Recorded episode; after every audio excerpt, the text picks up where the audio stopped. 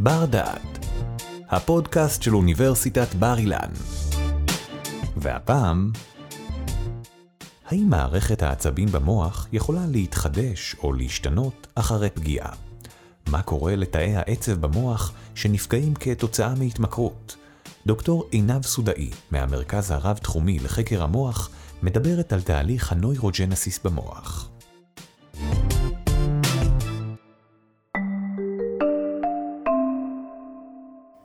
שלום וברוכים הבאים לבר דעת. המוח, האיבר הראשי במערכת העצבים שאחראי לנהל את הפעילות של מערכות הגוף השונות. אך מה קורה כאשר העצבים הבונים אותו נהרסים? האם הם יכולים להשתנות? איתנו בנושא נמצאת דוקטור עינב סודאי, מהמרכז הרב-תחומי לחקר המוח בבר אילן. היי עינב. היי, שלום שי. האם המוח יכול להשתנות? אז אה, שאלה מצוינת, והתשובה הקצרה היא, היא השאלה מתי שואלים.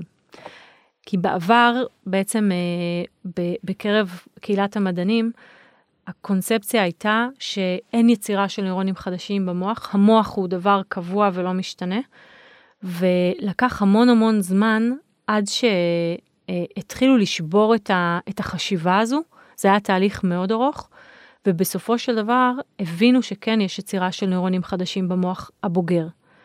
אבל לקח המון זמן עד שהגיעו ל, לידיעה הזו. השאלה האם המוח יכול להשתנות עניינה מאז ומתמיד את הקהילה המחקרית. מה הייתה הקונספציה בנוגע ליכולת של המוח להשתנות? אז כדי להבין את הרוח באותה התקופה, אפשר uh, להסתכל על אחד מאבות מדעי המוח, uh, סנטיאגו רמוני קחל. הוא היה הראשון שתיאר בפרוטרוט את מבנה תאי הצו, את הנוירונים במוח, mm-hmm. והוא השאיר גם איורים מאוד מאוד uh, יפים ומדויקים של אותם התאים. והוא זכה בשנת 1906 בפרס נובל לרפואה. Mm-hmm. עכשיו, אם אני אצטט אותו, אחד מהציטוטים הם בעצם אה, יסבירו בדיוק את, אה, את הלך המחשבה שהייתה בתקופה ההיא.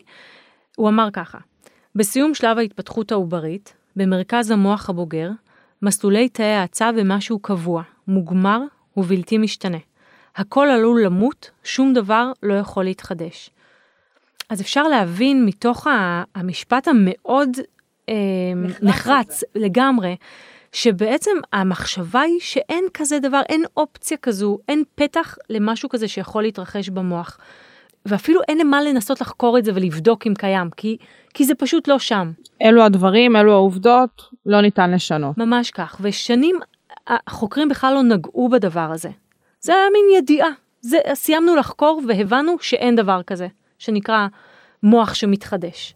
מתי הקונספציה השתנתה? אז בשנת 1962, ג'וזף אלטמן, הוא פרסם מאמר ראשון ותיאר באמצעות תמונות מיקרוסקופ תאים מהמוח הבוגר שמבטאים מאפיינים של תאי הצו חדשים. Mm-hmm. וכשהוא פרסם את המאמר הזה, אה, ששוב, הדבר הזה הוא לא פחות ממהפכני להראות שבעצם יש יצירה של תאים חדשים שהופכים להיות נוירונים במוח הבוגר, לא בשלב העוברי. והקהילה המדעית פשוט התעלמה לחלוטין מהממצאים האלה. הם חשבו ש, שאלטמן, אה, או שהתוצאות שלו לא נכונות, אה, אבל באמת, לא ציטטו מאמרים שלו, וחוקר שלא מצטטים מאמרים שלו, בעצם זה, זה אומר שהוא לא קיים, לא מאמינים אין לו ערך. בדיוק, אין לו שום ערך. הוא הקדיש את חייו למדע, ובעצם הקהילה המדעית, המקום שבו אמורים לתמוך בו בפרסומים המדעיים שלו, פשוט נתנו לו כתף קרה. Mm-hmm. והוא התחיל לפרסם עוד מאמרים ועוד מאמרים ועוד עדויות, ושוב, שום דבר, שום דבר מהדברים האלה לא נספג ולא התייחסו לממצאים שלו ברצינות, אה, שזה דבר מאוד מאוד מתסכל. ורק בשנות ה-80-90 חוקרים אחרים התחילו גם לבדוק, וגם השיטות קצת השתנו והתפתחו, ו- והצליחו לראות שיש אכן יצירה בנ... של נוירונים חדשים במוח הבוגר. ו... ואז בתקופה ההיא כבר הדבר הזה הפך להיות uh, באמת מהפכה בחשיבה, ומהרגע ש... שהדבר הזה התהפך, ככה. סביב שנות התשעים פתאום התחילו ציטוטים של הראשון שגילה את הנוירוג'נסיס, את היצירה של הנוירונים החדשים במוח, ואלטמן זכה סוף סוף לתהילה שכל כך uh, הגיע לו במשך כל השנים האלה. ו, ואז מדבר ש, שהוא, שהוא באמת חשבו שהוא לא קיים, זה הפך להיות הדבר הכי חם במדע.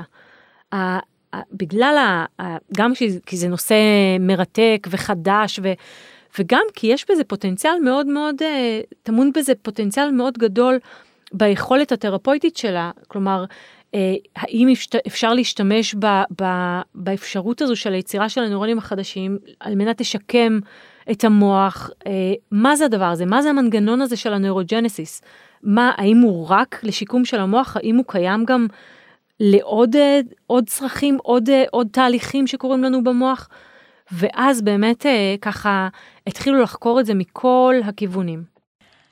את מתארת שמשנות ה-90 כבר התחילו לקבל את המחקרים של אלטמן והבינו את החשיבות שלהם. היו חבלי לידה נוספים להנחלת התיאוריה שלו? אז באמת לוקח המון זמן, הקהילה המדעית היא קהילה יחסית סגורה, ועכשיו אם אנחנו הולכים צעד אחד קדימה ו- ואנחנו פונים נגיד לאקדמיה, mm-hmm. ואני יכולה לספר שאני כשלמדתי תואר ראשון במדעי המוח בשנת 2001, שזה כבר תקופה אחרי uh, שנות התשעים. כעשור. נכון. וסיימתי את התואר, והייתי משוכנעת שאין יצירה של נוירונים חדשים במוח. Mm-hmm. ו... וכשגיליתי את זה, גיליתי את זה כשהלכתי לעשות איזשהו פרויקט במכון ויצמן, והדוקטורנט שדיבר איתי, דיבר איתי ואמר לי, את יודעת, אה, אנחנו נחקור כאן יצירה של נוירונים חדשים במוח, זה, זה תחום המחקר, ו, וכשהוא אמר את זה, אני כזה בליבי אומרת, על מה הוא מדבר? איזה יצירה של נוירונים חדשים במוח.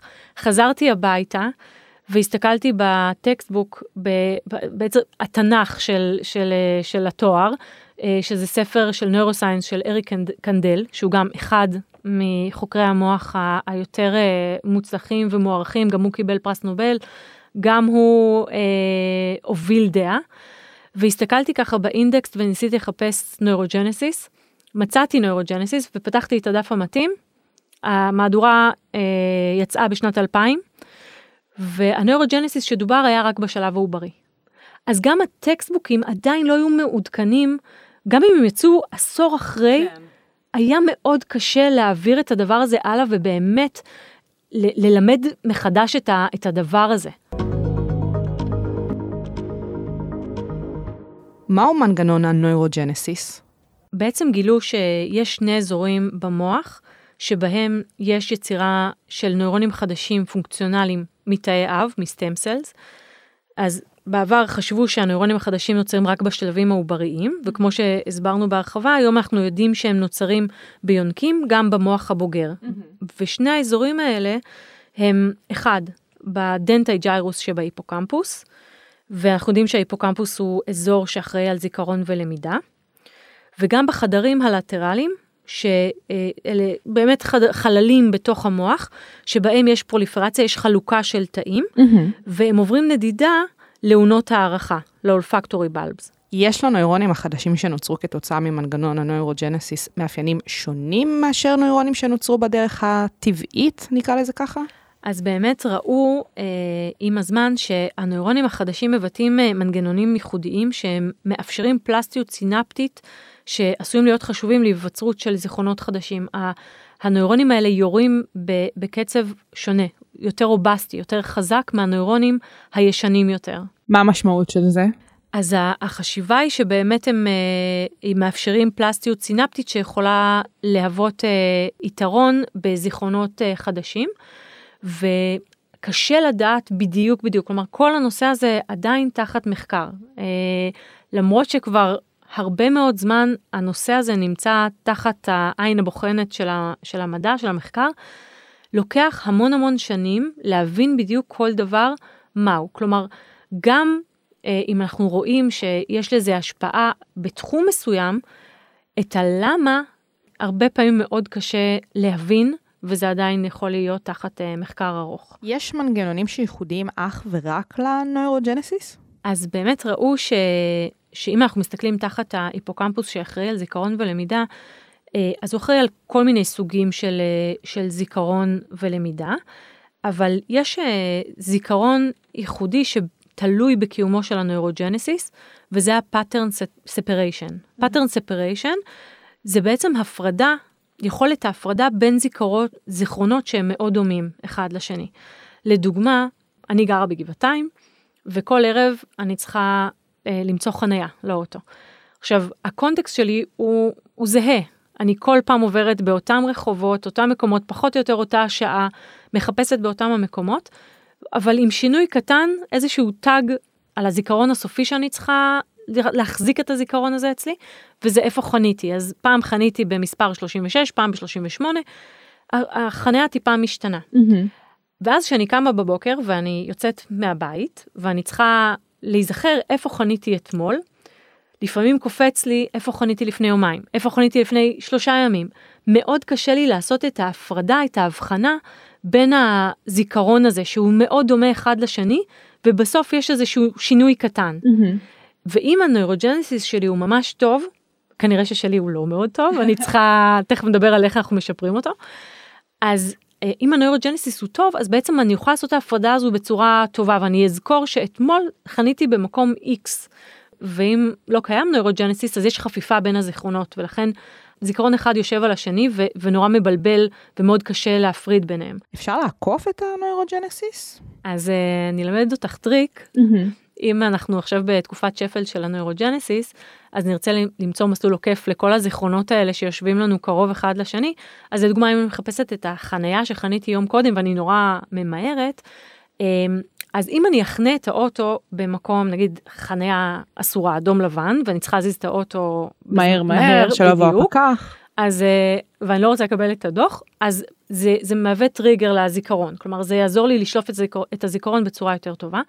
אני יכולה גם, uh, כשאני חונה את האוטו, להסתכל איפה חניתי, להריח נגיד את העץ עם, עם, ה, עם הפריחה המלבלבת שלו, ולהוסיף עוד איזשהו uh, uh, תיוג לזיכרון הזה, ואז יהיה לי יותר קל לשלוף אותו, וזה באמת עוקף נוירוג'נסיס. Uh, במחקר שלך, בדקת את ההשפעה של ההתמכרות לסמים על הנוירוג'נסיס. מה גילית במסגרת המחקר? אז באמת חקרנו ורצינו לבדוק מה ההשפעה של הנוירוג'נסיס במצב של אה, התמכרות לסמים, וראינו שהיצירה אה, של הנוירונים החדשים פוחתת במוח המכור. Mm-hmm. כלומר, חולדות שהתמכרו לקוקאין, במקרה הספציפי הזה, ראינו שיש להם ירידה ביצירה של הנוירונים החדשים. ו, ומה שניסינו לעשות זה דבר ראשון לגמול את החולדות, אז השתמשנו בתרופה שנקראת DHEA, שזה נוירוסטרואיד שמופרש באופן טבעי במוח, ו... והצלחנו לגמול את החולדות. ואז הסתכלנו ובדקנו במוחות שלהם ורצינו לבדוק מה קורה מבחינת הנוירוג'נסיס, וראינו שהיה נרמול, כלומר הנוירונים החדשים שנוצרו, הם היו באותה רמה של חולדות שמעולם לא, נחשפ... לא נחשפו לסם. שעל פניו היינו רוצים לחשוב שאם הנוירונים נפגעו, הם לא הצליחו להשתקם. אתם במחקר מצאתם בדיוק את התפיסה החדשה ביחס לחידוש הנוירונים. נכון, אז ראינו באמת שיש ייצור מחודש אה, ברמה גבוהה יותר של אה, נוירונים חדשים. כלומר, המנגנון נפגע בזמן ההתמכרות, חלה האטה ביצירה של הנוירונים החדשים. הכימיקלים כתוצאה מהסמים פגעו בנוירונים. נכון, אנחנו לא ממש יודעים, יש כמה תיאוריות ללמה זה קרה, אה, כמה תיאוריות מעניינות, אבל בסופו של דבר הגמילה הצליחה להעלות את, ה, את הרמה של היצירה של הנוירונים החדשים.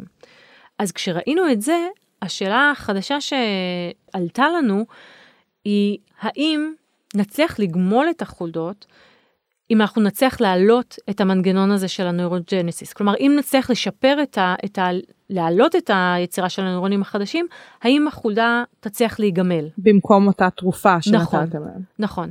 אז יש כמה דרכים להעלות או להוריד נוירוג'נסיס.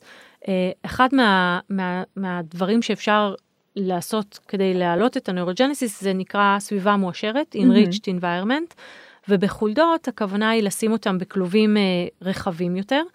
אה, יחד עם עוד חולדות, חולדות הן אה, חיה, יצור אה, חברתי, ו social interaction זה דבר מאוד מאוד חשוב, הוא גם בעצמו מעלה neurogenesis. והוספנו להם שם משחקים, תעלות שהם מכילות שהם יכולים להיכנס פנימה ולשחק, ערסלים, מגלשות, באמת גן שעשועים לחולדות. וכל שבוע שינינו את, ה, את התפאורה הזו. כל שבוע חידשנו להם את, ה, את המשחקים, והם קיבלו בעצם משחקים חדשים. אתגרתם אותם. לגמרי. ואפשר היה לראות באמת, כשבאנו לכלובים שלהם, רואים חולדה סקרנית ושמחה. כאילו, זה, זה נשמע מוזר, אבל רואים שהיא אנרגטית, שהיא אה, מתרוצצת, והיא, והיא בוחנת דברים, ו, ומכניסה את הראש לתוך הנסורת, ומחפשת, ובאמת באמת אה, חיה וסקרנית. ואחרי חודשיים שהם היו בתוך ה-enriched environment, בדקנו את ההתמכרות שלהם, האם הם הצליחו להיגמל בלי שום תרופה, בלי שום דבר, רק הם כשבזמן זה... הזה הם המשיכו לקבל קוקאין? לא. בלי הקוקאין, פשוט האלה, אה, בלי תרופה שאמורה לדכא את ההתמכרות. נכון, והיו חולדות אחרות ש, שהם היו, זה נקרא poor environment, שהם היו בכלובים דלים, כלומר בלי המשחקים אה, ובלי כל התנאים המשופרים האלה ש, שהחולדות האלה היו בהם. ואותן חולדות שהיו בסביבה המועשרת, נגמלו מהסם. הם פשוט, אה, לא היה להם את, ה, את ה craving הזה, את הכמיהה לסם שהייתה קיימת בחולדות ש, שלא היו בסביבה המועשרת.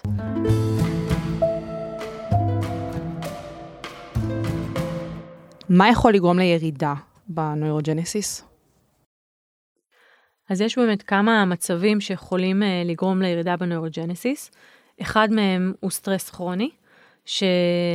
יש באמת הסכמה מדעית, כמו מעטות הפעמים שיש הסכמה במדע. גורף. כן, אז, אז סטרס כרוני, אה, ראו במחקרים ש, שבאמת יש ירידה ביצירה של נוירונים חדשים אה, באופן משמעותי.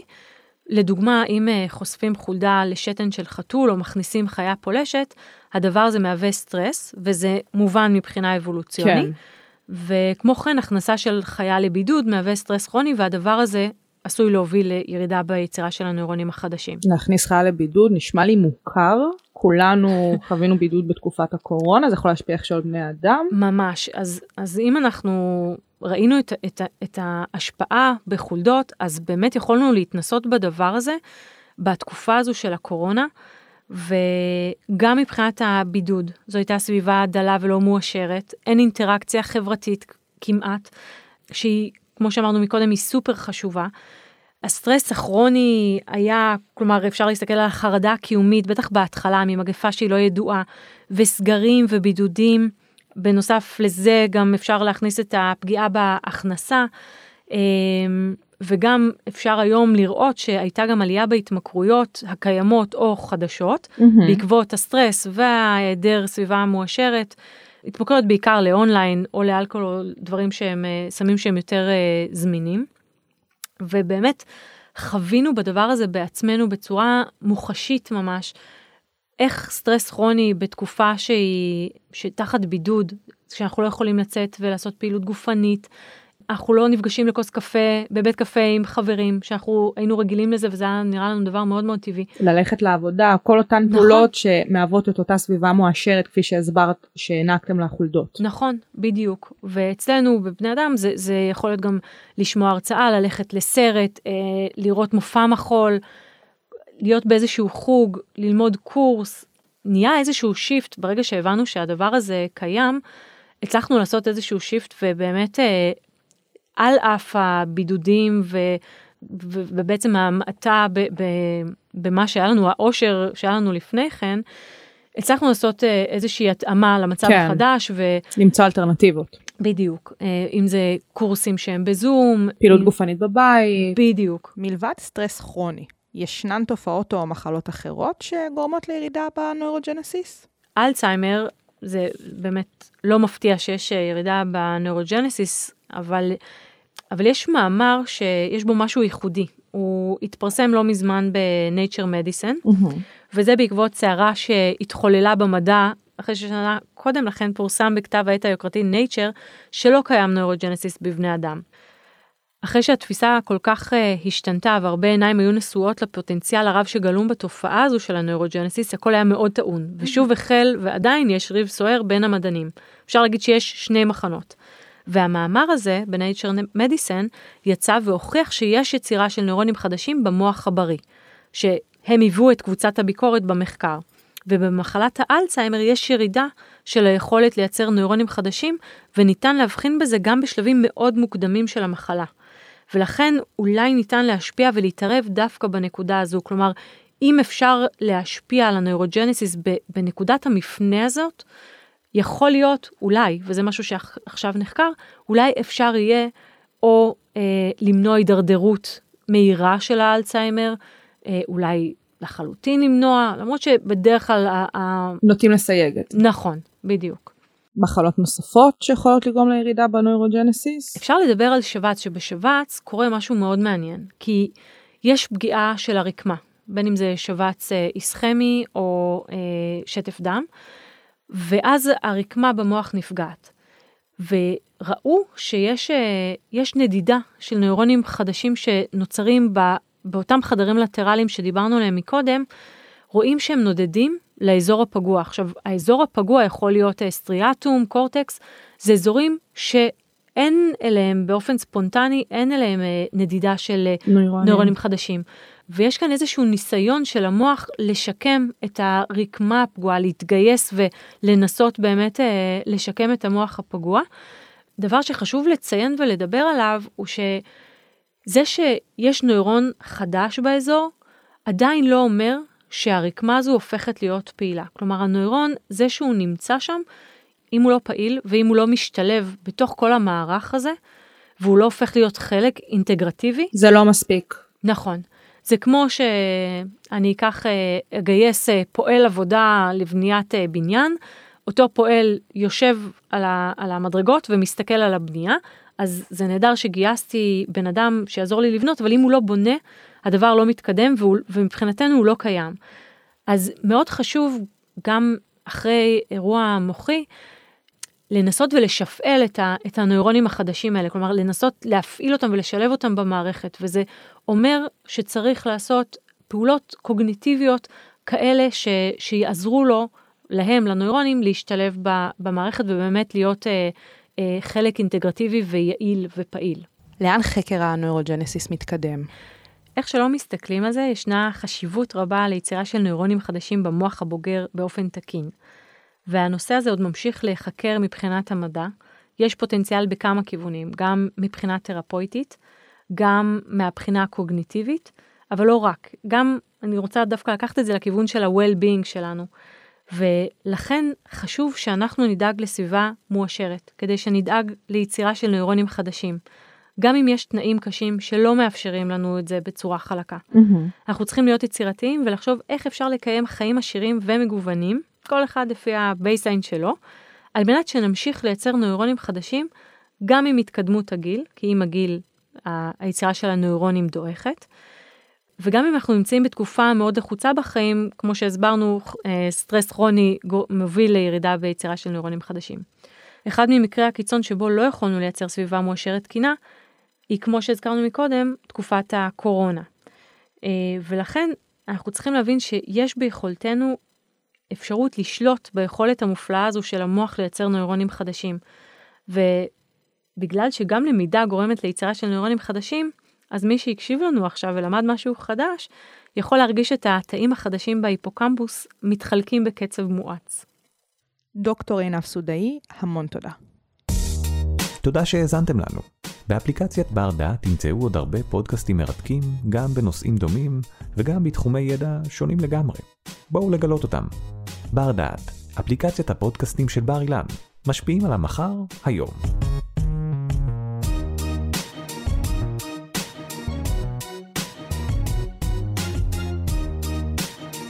ערכה והפיקה שי קלוט.